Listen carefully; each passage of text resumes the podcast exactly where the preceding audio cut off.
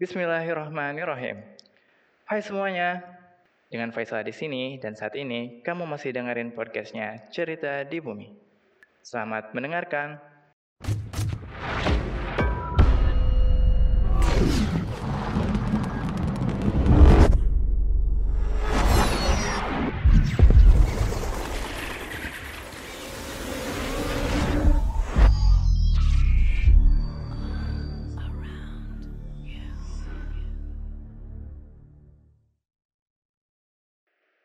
Biasa, jangan lupa bersyukur ya. Alhamdulillahirrabbilalamin. Segala puji bagi Allah Rabb semesta alam yang telah senantiasa memberikan kepada kita semua kenikmatannya. Sehingga di kesempatan kali ini, kita masih diberikan kesehatan, dipertemukan dengan Ramadan, dan saat ini bisa dengerin episode podcast ini. Di episode kali ini, kita akan membahas sebuah skripsi. Nah loh, jarang-jarang kan skripsi di podcastin. Tapi tenang, ini bukan skripsinya anak geologi, tapi ini skripsinya anak psikologi yang insya Allah praktikal untuk kehidupan kita. Tentunya aku nggak sendirian, bersama kita sudah ada Teteh Kece. Langsung aja ya kita ngobrol. Uh, Assalamualaikum Silvi. Iya, waalaikumsalam kak. Kenalan dulu dong. Ah ya, kayak boleh. ya selamat Selamat apa ya sebenarnya di sini lagi sore. ya perkenalkan uh, pendengarnya Kak Faisal semua di cerita di bumi ya Kak. Jadi aku yeah. Uh, Silvi Nur Alifa ya biasa dipanggil Silvi atau Ipi. Uh, satu kampus sama Kak Faisal, bedanya aku dari Fakultas Psikologi. Jadi uh, ya alhamdulillah sudah menyelesaikan studi di Fakultas Psikologi di tahun lalu gitu. Alhamdulillah. Tadi dipanggilnya apa Sylvia? Biasanya dipanggil Sylvie. Uh, seringnya sih Ipi sih. Boleh Ipi. apa aja. Oke, kalau kalau aku biasanya kalau dipanggil nengok. Oh iya bener sih.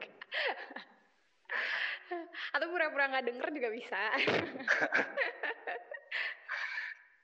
Dulu pernah aktif di BEM juga ya?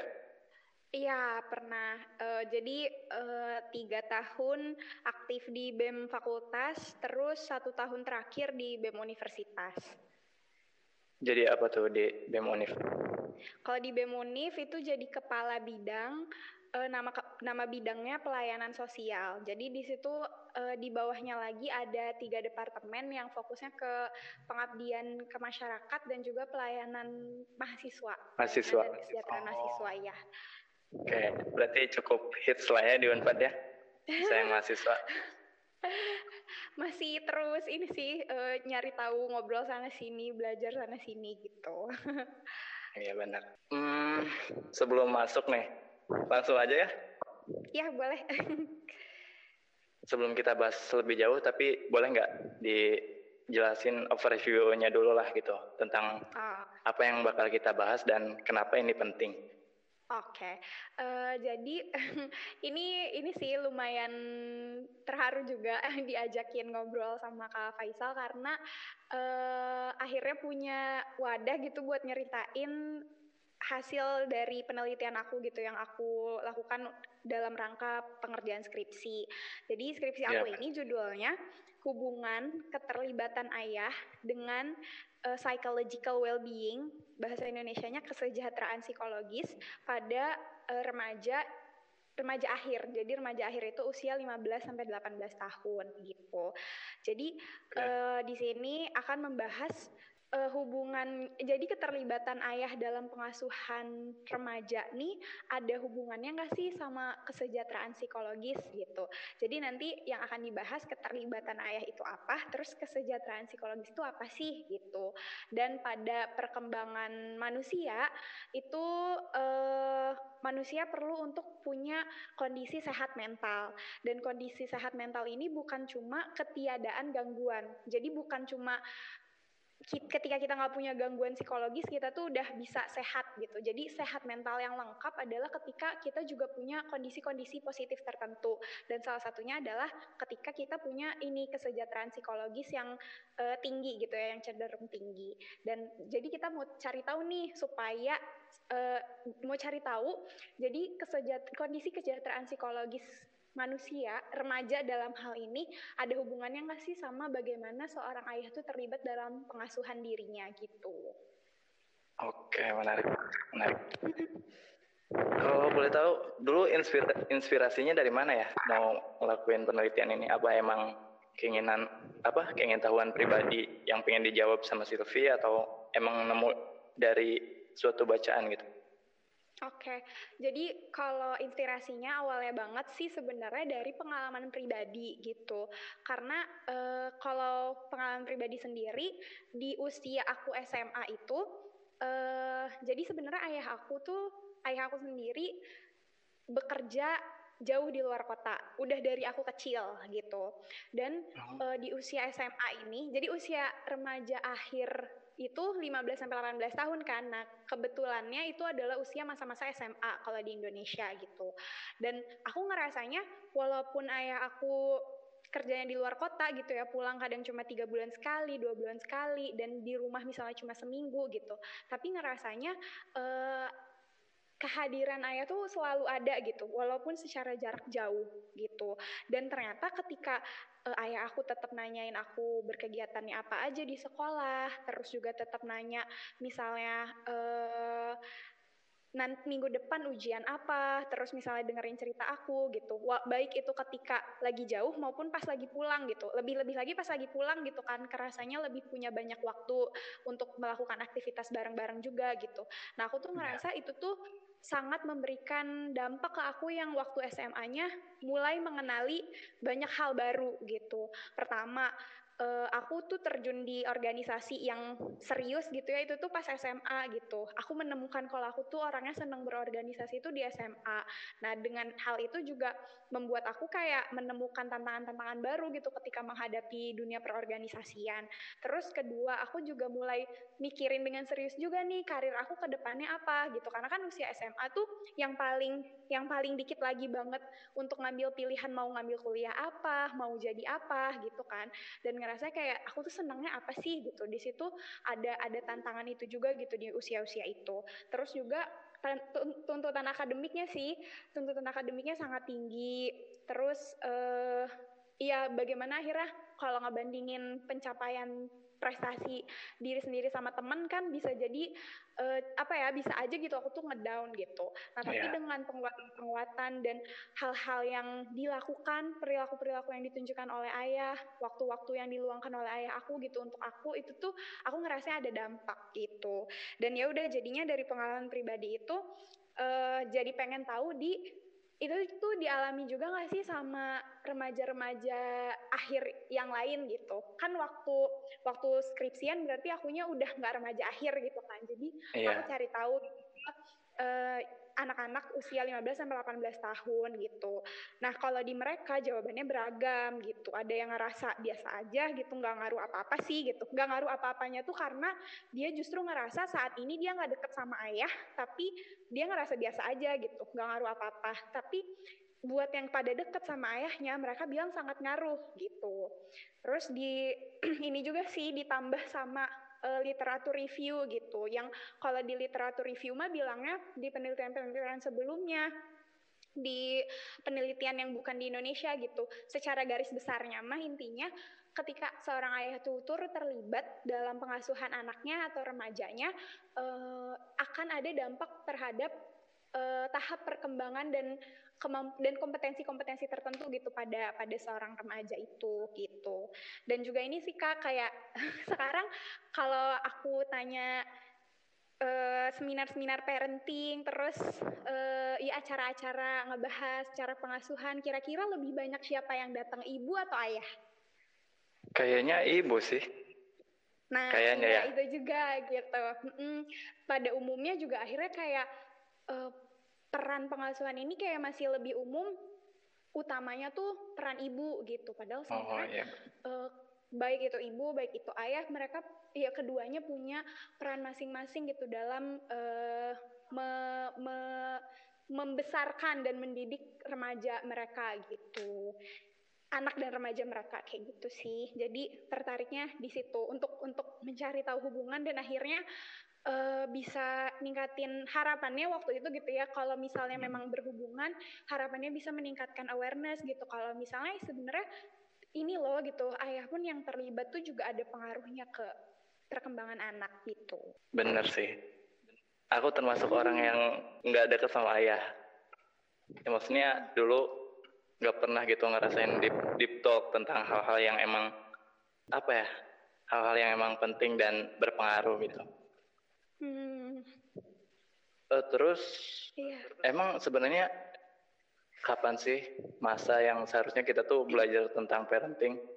Hmm, kalau ngomongin soal itu sih, uh, sebenarnya aku sendiri nggak punya patokan umur berapa gitu ya.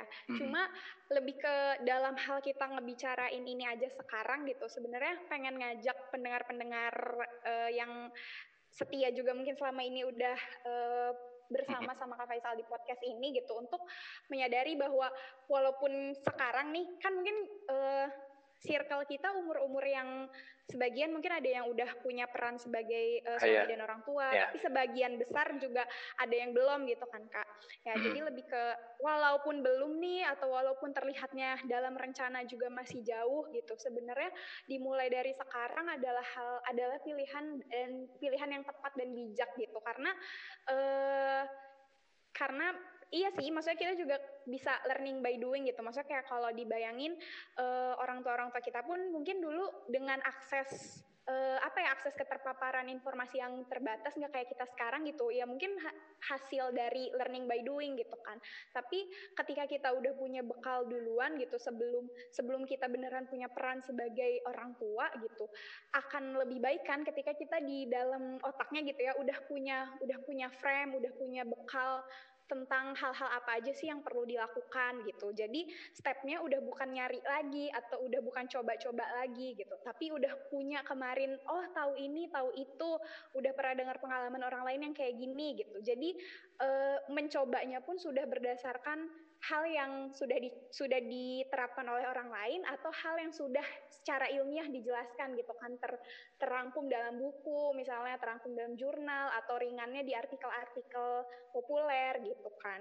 Dan ya biar nggak kaget juga sih gitu karena kalau kita mulai dari sekarang gitu ya uh, sebelum walaupun gitu ya masih jauh dalam rencana pun nantinya ketika kita udah beneran punya peran sebagai orang tua kita udah udah sadar lebih awal gitu bahwa oh kondisi-kondisi ini loh yang akan dihadapi gitu. Jadi nggak kaget kayak misalnya oh ya nanti kalau punya baru punya anak tuh pasti akan begadang gitu. Terus uh, kalau punya anak tuh ya setiap uh, setiap bulan gitu ya apalagi kalau masih bayi newborn gitu. Mm-hmm. Setiap bulannya, setiap minggunya itu tuh dia pasti punya punya kemajuan terus gitu. Kalau misalnya kita nggak punya pengetahuan soal itu, kita kan jadi nggak terdorong untuk memancing dia, menstimulus e, bayi kita gitu ya, buat e, punya pencapaian atau milestone perkembangan yang seharusnya, misalnya kayak gitu. Lebih ke Uh, bahkan mungkin kalau misalnya udah mau cari tahu dari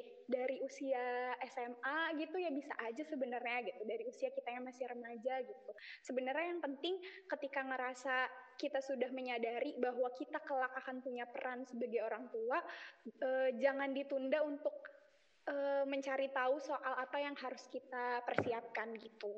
Gitu sih kak. Setuju sih setuju. Berarti ini bekal yang hmm. akan bermanfaat gitu ya. Ketika kita telah memiliki perannya nanti. Tuh. Amin. Tadi mau nanya apa ya? Jadi lupa. Oh, langsung ini aja deh. Intinya tadi jadi psychological will well being itu apa? Dan apakah itu emang hanya pada remaja akhir gitu atau kita juga masih ngalamin sih prosesnya?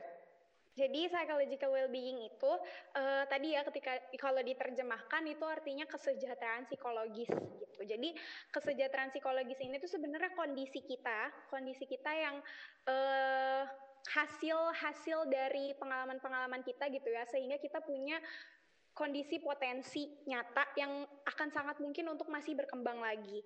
Nah, kesejahteraan psikologis ini penilaian pribadi. Jadi kesejahteraan psikologis merupakan penilaian yang dilakuin sama diri kita sendiri nih untuk menilai kita tuh seberapa mampu sih untuk uh, menjalankan atau menghadapi tantangan keseharian yang uh, yang hadir di kehidupan kita gitu. Jadi misalnya uh, kita punya kayak tadi ya misalnya dalam kaitannya penelitian aku, oh ya usia SMA tadi tantangannya tuntutan akademik, tuntutan harus bersosialisasi karena lingkarannya makin besar gitu. Nah, seberapa mampu sih si remaja-remaja itu uh, menilai dirinya seberapa mampu untuk bisa uh, memenuhi tantangan akademik tadi maupun uh, memenuhi tantangan sosial tadi gitu. Dan kaitannya bukan bukan cuma tentang uh, seberapa dia bisa misalnya seberapa dia punya prestasi akademiknya, nilainya setinggi apa gitu. Bukan, tapi bagaimana dia selalu melihat bahwa tantangan yang dihadapi itu uh, adalah sesuatu yang akan bisa dia kuasai dan bisa dia atasi gitu. Nah, si kesejahteraan psikologis ini sendiri kondisi-kondisinya tuh ada enam. Jadi kalau bahasa teorinya mah ada ada enam dimensi gitu. Hmm. Jadi yang pertama itu ada namanya autonomi. Autonomi itu eh, tentang seberapa jauh kita ngerasa kita punya penilaian sendiri, punya keputusan sendiri dalam menjalankan kehidupan kita. Jadi nggak terpengaruh sama orang lain, nggak terpengaruh sama standar orang lain. Nah, itu yang otonomi. Terus ada yang namanya penguasaan lingkungan atau environmental mastery. Jadi seberapa mampu kita ngelihat uh, ngelihat lingkungan kita sebagai sesuatu yang bisa kita atasi tadi gitu. Jadi nggak selalu nggak harus selalu lingkungan lingkungan kan nggak selalu menguntungkan gitu ya. Yeah. Jadi walaupun bentuknya adalah kesulitan, kita selalu punya keyakinan aja gitu kita pasti bisa mengatasi ini ataupun ada hal-hal yang pasti bisa jadi manfaat buat kita gitu ketika kita menghadapi kesulitan. Itu ketika tadi eh, dimensi yang kedua yaitu penguasaan lingkungan. Terus yang ketiga itu adalah perkembangan personal, perkembangan diri. Jadi seberapa kita melihat diri kita sebagai suatu individu yang akan terus berkembang, yang akan terus bisa jadi lebih baik dan bisa terus belajar gitu. Jadi dia nggak cuma mikirin soal misalnya sekarang aku eh aku nggak bisa deh kayak ngomong depan umum gitu ketika tantangan di saat itu adalah ngomong depan umum misalnya, terus dia mikirnya nggak bisa gitu. Kalau misalnya orang dengan psychological well-being tinggi gitu, dia pasti punya keyakinan bahwa dia bisa berkembang gitu. Kemampuan dia buat bicara di depan umum itu bisa diubah, bisa ditingkatkan gitu. Okay. Itu tadi yang ketiga perkembangan diri. Terus yang keempat adalah hubungan positif dengan orang lain.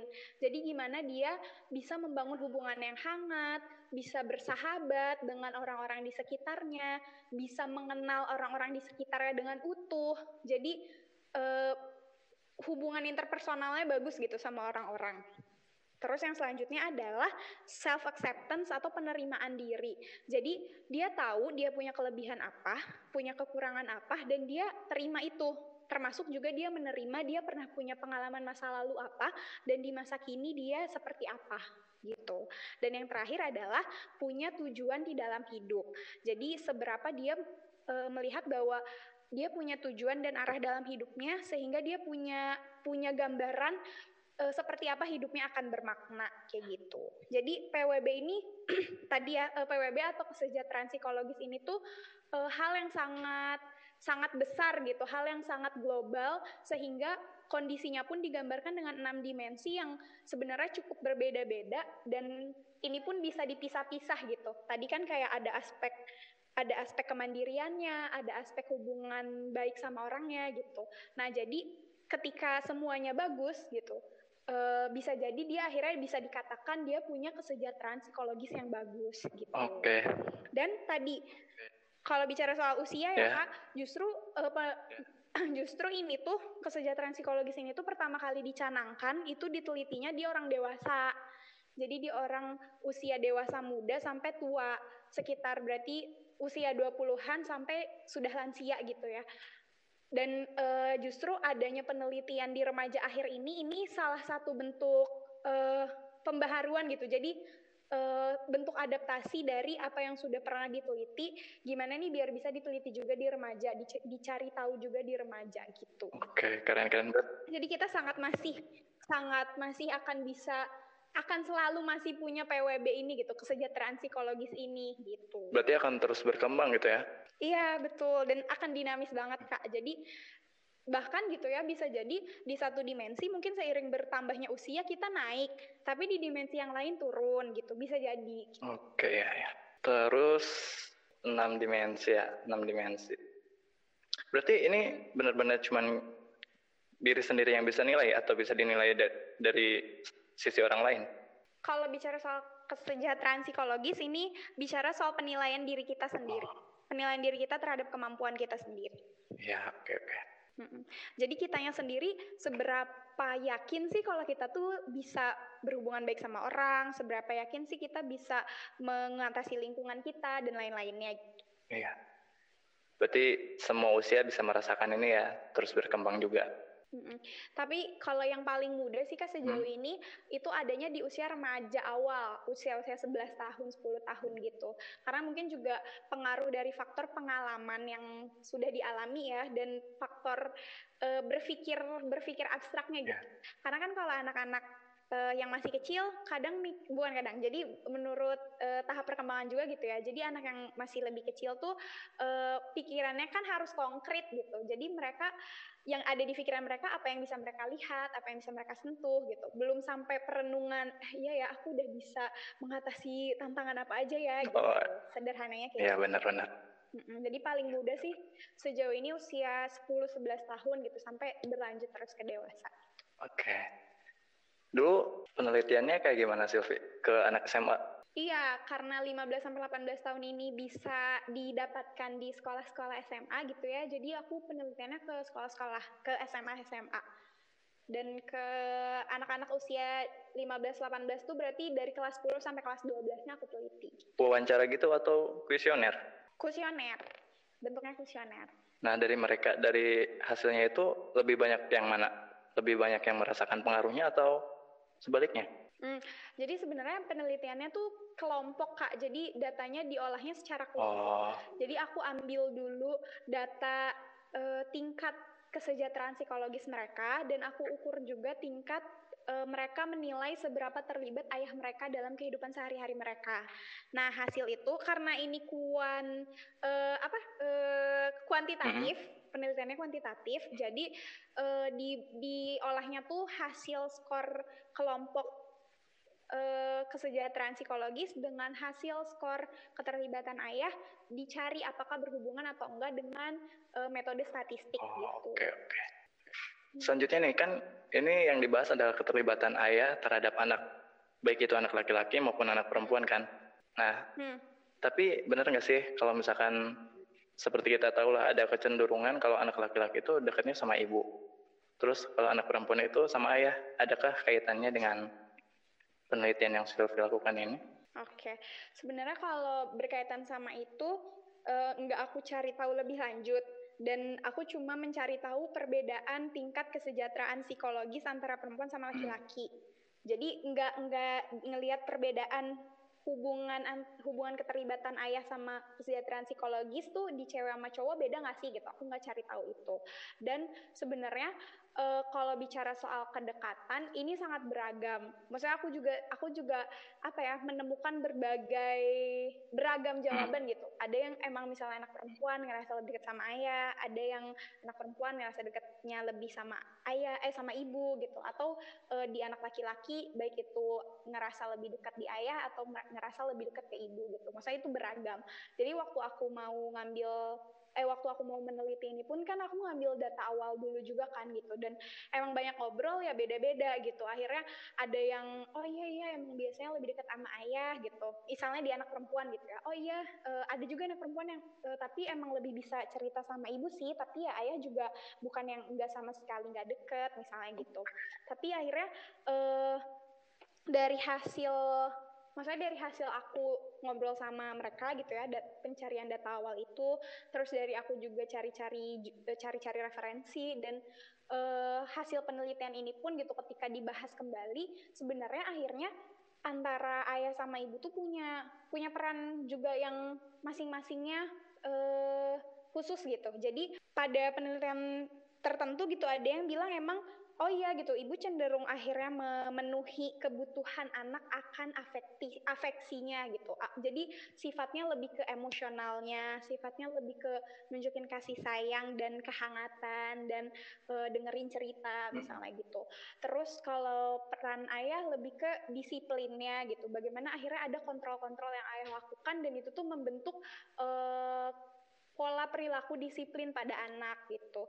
Dan waktu aku ngobrol sama beberapa remaja yang jadi responden data awal aku pun mereka ada yang bilang gitu, ada hal yang aku bisa ceritain ke ibu, tapi ada hal yang eh, bisa hanya diceritain ke ibu, tapi ada juga hal yang cuma bisa aku ceritain ke ayah gitu. Kalau ke ibu, ya itu dia bilang misalnya kayak ya soal kayak uh, hubungan pertemanan atau ya gitu deh kak gitu kan cinta-cintaan kata mereka gitu kan. Terus uh, ada juga yang kayak kalau sama ayah uh, ada juga yang aku bisa ceritain ke ayah tapi nggak bisa ceritain ke ibu gitu. Kayak soal uh, apa ya uh, hubungan dengan orang-orang dewasa lah gitu. Maksudnya kayak hubungan perkantoran hubungan organisasi. Terus kadang ngomongin juga pembicaraan-pembicaraan yang topiknya berat gitu kata mereka kayak uh, politik, sosial, ekonomi gitu kan. Ya itu aku cuma bisa ngobrolnya sama ayah gitu. Jadi mungkin akhirnya pada masing-masing anak pun baik itu perempuan atau laki-laki juga mereka punya kebutuhan tertentu yang ngerasanya uh, bisa lebih mana yang bisa lebih dipenuhi ketika ke ibu dan mana yang lebih bisa dipenuhi ketika sama ayah gitu. Tapi ada juga yang e, bilang gitu kecenderungan ketika remaja sebenarnya lebih ke ke orang tua yang sama gendernya gitu. Kayak kalau misalnya ayah ayah sama anak laki-laki mungkin karena lebih banyak punya e, shared activity atau aktivitas bersama yang e, apa ya ketertarikannya sama gitu. Jadi aktivitas yang dilakuin bersamanya tuh lebih banyak kayak mungkin suka sama dunia otomotif gitu jadinya uh, lebih sering bersih bersih mobil lebih sering ngotot yeah. mesin misalkan kayak gitu kan jadi uh, ada juga yang bilang kayak gitu semakin eh ya ketika remaja uh, ada kecenderungan jadinya lebih ke yang sama gender misalnya kayak gitu sebenarnya beragam sih kak gitu tapi akhirnya memang yang aku sadari lebih ke situ sih tadi gitu ternyata ada hal yang bisa dipenuhi oleh ayah dan ada yang ada hal yang perlu dipenuhi oleh ayah dan ada hal yang dipen, perlu dipenuhi oleh ibu gitu. oke okay. Keren keren jadi dua-duanya punya peran masing-masing ya buat perkembangan anak itu sendiri mm -mm, gitu. oke balik lagi nih jadi hasil hasilnya yang telah Delvi lakukan di penelitian ini hasilnya apa tuh? Adakah adakah jadi hubungannya? Ada. jadi hubungannya ada dan signifikan gitu. Jadi uh, mungkin uh, yang menarik juga buat dibahas adalah keterlibatan ayahnya itu sendiri gitu nah, ya. kayak gimana? Uh, tadi kan ketika ketika kita bicara soal keterlibatan ayah, misalnya uh, tadi kita bagi jadi yang mana sih yang biasanya lebih dilakukan ibu, yang mana sih yang biasanya lebih dilakukan ayah gitu kan. Kayak misalnya oh ayah lebih cenderung ke uh, membangun pola perilaku disiplin dan kontrolnya gitu. Nah, jadi sebenarnya kalau bicara soal keterlibatan ayah, ini bicara juga soal yang tadi aku ceritakan uh, dijalankan juga sama ibu gitu, lebih dijalankan juga sama ibu. Jadi uh, keterlibatan ayah ini perilaku yang dimunculkan oleh ayah dan ada ini juga bahasanya ada lima dimensi yeah. lagi gitu. Jadi tadi kalau bicara soal kontrol dan disiplin itu baru salah satunya. Jadi oke okay, ayah ayah yang terlibat adalah satu ayah yang punya fungsi kontrol, ayah yang turut terlibat dalam uh, ya misalnya uh, ayah tuh tahu siapa aja teman-teman anaknya, ayah tuh tahu siapa, uh, apa aja kegiatan dia hari ini dan termasuk juga ketika pengambilan keputusan. Jadi ayah tuh terlibat dan mengontrol. Itu baru salah satu tadi kontrol dan disiplinnya. Terus yang selanjutnya tuh ada uh, positive engagement activities atau tadi punya punya kegiatan yang dihabiskan bersama. Jadi ayah yang terlibat juga uh, secara fisik dan secara waktu beneran punya uh, aktivitas yang dihabiskan bareng-bareng secara langsung gitu. Dan ini meliputi juga misalnya uh, perilaku merawat atau perilaku tadi ya kayak olahraga yeah. bareng, uh, nyuci mobil gitu ya. bareng, ya. nonton TV bareng gitu. Mm -mm. Nah terus yang selanjutnya adalah tadi udah dua ya, jadi kontrol sama punya aktivitas yang dihabiskan bersama. Yang selanjutnya adalah e, menunjukkan perilaku hangat dan responsif. Jadi kayak kalau anaknya mau cerita tuh ngedengerin, terus anaknya mau minta saran dikasih saran, e, disampa, e, ditanggepin lah gitu. Terus e, menunjukkan juga perilaku-perilaku yang apresiatif gitu. Jadi ketika anak punya pencapaian tuh ditunjukin gitu rasa bangganya, ditunjukin rasa sayangnya dan sebagainya. Nah terus yang duanya lagi berkaitan sama pemenuhan kebutuhan. Jadi yang eh, yang keempatnya adalah eh, bagaimana perilaku eh, aktivitas yang ayah habiskan dalam rangka memenuhi kebutuhan anak, tapi nggak memerlukan interaksi sama anak. Bahasanya indirect hmm. care jadi kayak nyari apa kerja cari nafkah itu kan sebenarnya ya demi yeah. anak juga gitu kan untuk memenuhi kebutuhan anak tapi tidak e, membutuhkan interaksi sama anak gitu. Itu termasuk juga e, ke keterlibatan ayah ini. Misalnya juga kayak bayarin bayarin UKT gitu itu kan nggak e, perlu interaksi gitu ya. Maksudnya bisa aja udah ngebayarin gak bilang-bilang yeah. gitu kan. Bisa kayak gitu. Nah terus e, yang terakhir adalah uh, proses responsibility. Jadi se sejauh mana ayah tuh selalu mau tahu dan selalu follow up lah gitu. Anaknya udah udah terpenuhi belumnya kebutuhannya gitu. Kadang kan uh, ayah juga kecenderungan suka nanya ibu gitu kan yang eh gimana nih si kakak gitu. Iya benar. Butuh apa? Si ade butuh apa gitu kan. Hmm, nah itu juga salah satu bentuk keterlibatan ayah gitu. Okay. Jadi tadi ya gitu akhirnya gak cuma cari nah cari nafkah dan memenuhi kebutuhannya ini juga masuk ke, ke keterlibatannya juga gitu. Tapi akhirnya dilengkapi dengan tadi ada kehangatannya ada responsivitasnya ada aktivitas yang dihabiskan bersama dan juga dan juga punya fungsi kontrol gitu. Dan tadi akhirnya ternyata perilaku-perilaku ayah ini itu berhubungan signifikan dengan sejauh mana remaja akhir tuh menilai dirinya mampu untuk menghadapi tantangan kesehariannya gitu. Oke. Menarik sih, menarik. Ada lagi? Dan ini juga sih Kak, jadi mungkin catatannya kalau kita bicara hubungan, kita belum bisa sampai bilang uh, hubungannya tuh kausalitas gitu ya. Jadi ayah menjadi sebab keterlibatan ayah menjadi sebab anak merasa hmm. mampu gitu kan. Merasa mampu menghadapi tantangan gitu. Tapi intinya udah ada nih e, modal awalnya yaitu ada hubungan gitu. Jadi ketika si anak mempersepsikan ayahnya terlibat, si anak semakin mempersepsikan ayahnya terlibat, maka semakin tinggi juga dia menilai dirinya mampu menghadapi tantangan keseharian. Hubungannya kayak gimana itu yang bisa jadi perlu dicari tahu lagi. Tapi akhirnya aku meneliti lebih lanjut dengan uh, bahasanya si analisis ya. regresi yeah. gitu. Jadi si faktor ayah ini sejauh mana sih kok punya kontribusinya ke membangun kesejahteraan psikologis yang tinggi ke anak gitu. Nah ini tuh bentuknya persentase. Jadi si keterlibatan ayah ini kontribusinya besarnya 16,2 eh, persen.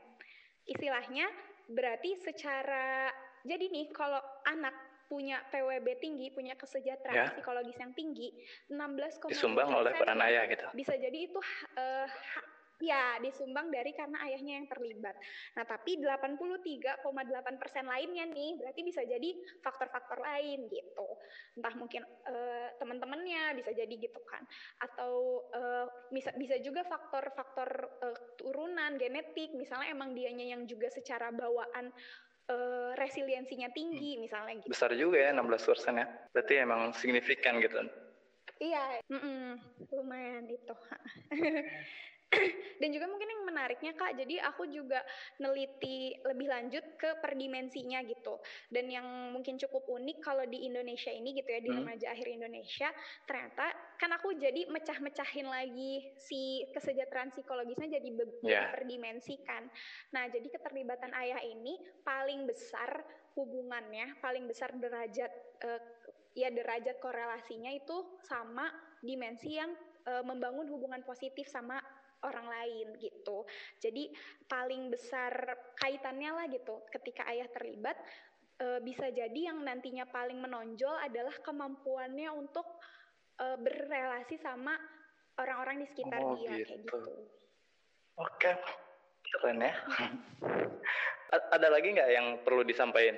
udah sih kak maksudnya hal-hal yang uh, jadi gitu. kita harus kayak gimana gitu secara praktikal untuk ini oh oke okay. oke okay. jadi sebenarnya kalau dari uh, ngobrol-ngobrol kita hmm. hari ini gitu ya uh, hal yang mau aku highlight untuk kita gitu ya tadi ya balik lagi ke mungkin seusia-seusia kita belum semuanya uh, jadi orang tua gitu, apalagi jadi orang tua dari seorang ya, remaja gitu ya. Tapi uh, intinya adalah maksudnya ya masih jauh. Jadi intinya adalah sebenarnya pertama soal PWB-nya itu sendiri. Jadi ya itu gitu kita tuh uh, kita tuh punya punya penilaian kan gitu terhadap diri kita sendiri tentang sejauh mana kita uh, mampu untuk menghadapi tantangan keseharian yang kita hadapi. Nah, uh, dan itu tuh uh, adalah bagian dari punya uh, mental yang sehat gitu, bagian dari kesehatan mental. Jadi pengalaman-pengalaman uh, kita se sebelumnya gitu, uh, bagaimana kita melihat bahwa ternyata kita sudah sejauh mana gitu sudah menghadapi tantangan-tantangan yang di masa lampau bisa kita atasi gitu dan sebagainya itu juga bisa jadi bisa jadi mempengaruhi gitu kan ke bagaimana kita menilai kemampuan diri kita gitu.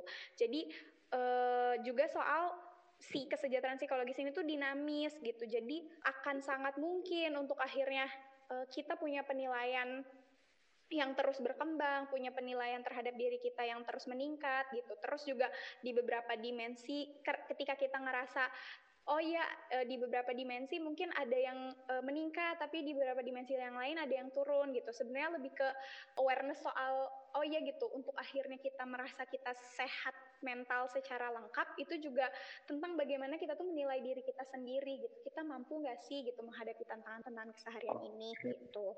Terus yang selanjutnya sih yaitu tentang apa ya bekal-bekal untuk tadi ya siap-siap gitu jadi orang tua gitu mumpung belum belum belum gitu mumpung mumpung belum dan masih masih punya waktu untuk untuk menghayati lagi untuk merefleksikan lagi gitu. Jadi ternyata sebagai seorang orang tua nantinya gitu baik itu kita perempuan atau laki-laki baik itu kita akan nantinya jadi ibu akan jadi ayah ternyata penting gitu buat kita punya uh, peran keterlibatan pada pengasuhan ini gitu. Ini kan bicara soal remaja akhir gitu ya, remaja akhir yang mungkin dalam bayangan kita mereka udah bisa milih sendiri, udah bisa uh, mutusin sendiri, udah punya misalnya semangat buat uh, melakukan hal lepas dari orang tua gitu kan. Nah, maksudnya segitu aja ternyata buat usia remaja akhir masih masih seberpengaruh itu dan masih sepenting itu gitu. Apalagi dimulai dari ya nanti gitu kalau punya bayi, punya balita, anak usia dini dan sampai gitu. Maksudnya lebih ke juga memberikan kesadaran bahwa ya ini gitu peran sangat penting di sepanjang usia nanti kita ketika punya anak gitu. Terus juga tadi mungkin awareness soal uh, dua peran tadi ya, baik ibu, baik ayah. Cuma sekahnya doang nih gitu, tapi beneran juga fisik juga secara emosional sehingga itu yang dikatakan ayah yang terlibat dan ketika ayah yang terlibat itu ternyata bisa uh, punya pengaruhnya pada nanti perkembangan kesejahteraan psikologisnya anak gitu. Tadi kan bicara soal kesejahteraan psikologis remaja akhir juga sebenarnya bicara soal ke, ke soal pengalaman-pengalaman dia sejak kecil gitu kan. Jadi uh, berikan perhatian sejak kecilnya yeah. juga gitu dan ketika remaja jangan dilepas gitu. Tetap kasih keterlibatannya gitu sih. Hmm, kalau kemarin baca-baca di artikel-artikel tuh kalau misalkan empat fase yang diajarin Nabi katanya kalau masih kecil kita ajarin kan lembut. Kalau udah agak gede diajarin disiplin dan tanggung jawab. Sampai kalau nggak sholat kan bisa di, bisa dicipret gitu. Kalau remaja ini saatnya menjadi sahabat gitu. Apa pun ya intinya pahami apa yang remaja mau mungkin ya jadi teman dan jadi sahabatnya. Kalau udah menuju menuju dewasa kayaknya emang udah dibebaskan untuk memilih pilihannya ya, sendiri. Gitu. Uh, aku juga ini sih jadi me memaknakan dia sebagai sahabat karena kan maksudnya kayak kalau usia-usia lebih kecil mungkin pilihan dia lebih terbatas gitu ya maksudnya dia sendiri juga kebutuhannya lebih ke ya kebutuhan secara fisiknya terpenuhi makannya. Sedangkan kalau udah kalau udah remaja kan hmm. lebih kompleks lagi gitu kan. Justru hal-hal yang kompleks yang dia hadapi itu harus ada nih temen-temen buat berbaginya gitu. Teman untuk dia bisa menentukan arah dia sebenarnya ke mana gitu kan. Dan itu tadi gitu punya purpose of life juga salah satu uh, dimensi dari kesejahteraan psikologis gitu kan dan ternyata itu bisa dipenuhi ketika dia punya uh, dia mempersepsikan keterlibatan ayahnya tuh tinggi gitu. Ya setuju banget sih. Apalagi kan keluarga ini ada circle ya. terdekatnya kita Jadi, gitu ya. Referensi terdekat yang bisa dia dapatkan, yang bisa seorang remaja dapatkan tuh ya dari orang tuanya gitu. Nah, itu para calon ayah dan calon ibu. Maksudnya ayah jangan cuma nyari uang doang gitu kan, tapi perhatian juga perkembangan anaknya. Oke mungkin iya, kalau dari aku cukup sih. Enggak, enggak. Iya, jadi gimana? Ini doang sih intermezzo doang. Jadi nantinya maksudnya seminar-seminar parenting tuh iya, uh, bukan cuma menarik buat ibu-ibu gitu. Jadi bahkan kalau dari sekarang udah ada yang udah udah sangat tertarik juga mencari tahu gitu ya calon-calon ayah itu menurut aku juga udah sesuatu yang ya keputusan yang sangat bijak dan tepat lah gitu. Mungkin emang bener sih sekarang masih jadi hal yang aneh gitu kalau misalkan ayah ikut ke seminar parenting. Iya kebayang sih. Tapi ya mudah-mudahan ini bisa ningkatin awarenessnya gitu ya. Oke. Okay. amin. Udah sih cukup. Kalau misalkan yang mau ditanyain, ada yang mau ditambahin lagi nggak? Uh, apa ya? Udah sih. Uh, intinya balik atau? lagi ke balik lagi ke. Uh, jadi kan sebenarnya kalau aku sendiri waktu ditanya, jadi aku tuh ditanya di awal gitu di awal banget penelitian ini waktu seminar usulan penelitian dan di seminar dan di sidang akhir juga gitu tentang ya gimana nih caranya supaya bikin hasil penelitian ini jadi bermanfaat gitu.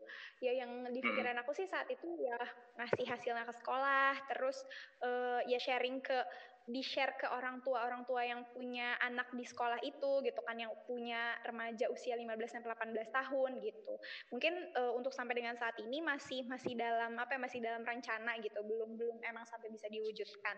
Nah, tapi maksudnya akhirnya kepikiran juga bahwa oh iya ya sebenarnya bisa aja loh ini juga udah di-share ke uh, ya kita kita gitu yang yang mungkin saat ini belum punya peran sebagai orang tua apalagi orang tua dari seorang remaja akhir gitu kan. Jadi uh, ya ketika akhirnya ada kesempatan buat sharing-sharing kayak gini ya mau kembali lagi mengingatkan gitu bahwa walaupun mungkin sekarang belum kepikiran gitu ya uh, akan akan menjadi orang tua atau rencananya masih jauh gitu. Tapi uh, awareness tentang seberapa penting peran keterlibatan kita terhadap pengasuhan tuh sebesar itu loh gitu. Dan ini perlu disadari baik oleh kita yang perempuan maupun yang laki-laki. Baik kita yang akan menjadi ibu dan menjadi karena ternyata emang untuk bisa punya uh, untuk akhirnya bisa mendidik atau menemani seorang anak berkembang gitu itu bukan cuma tugas salah satu saja gitu.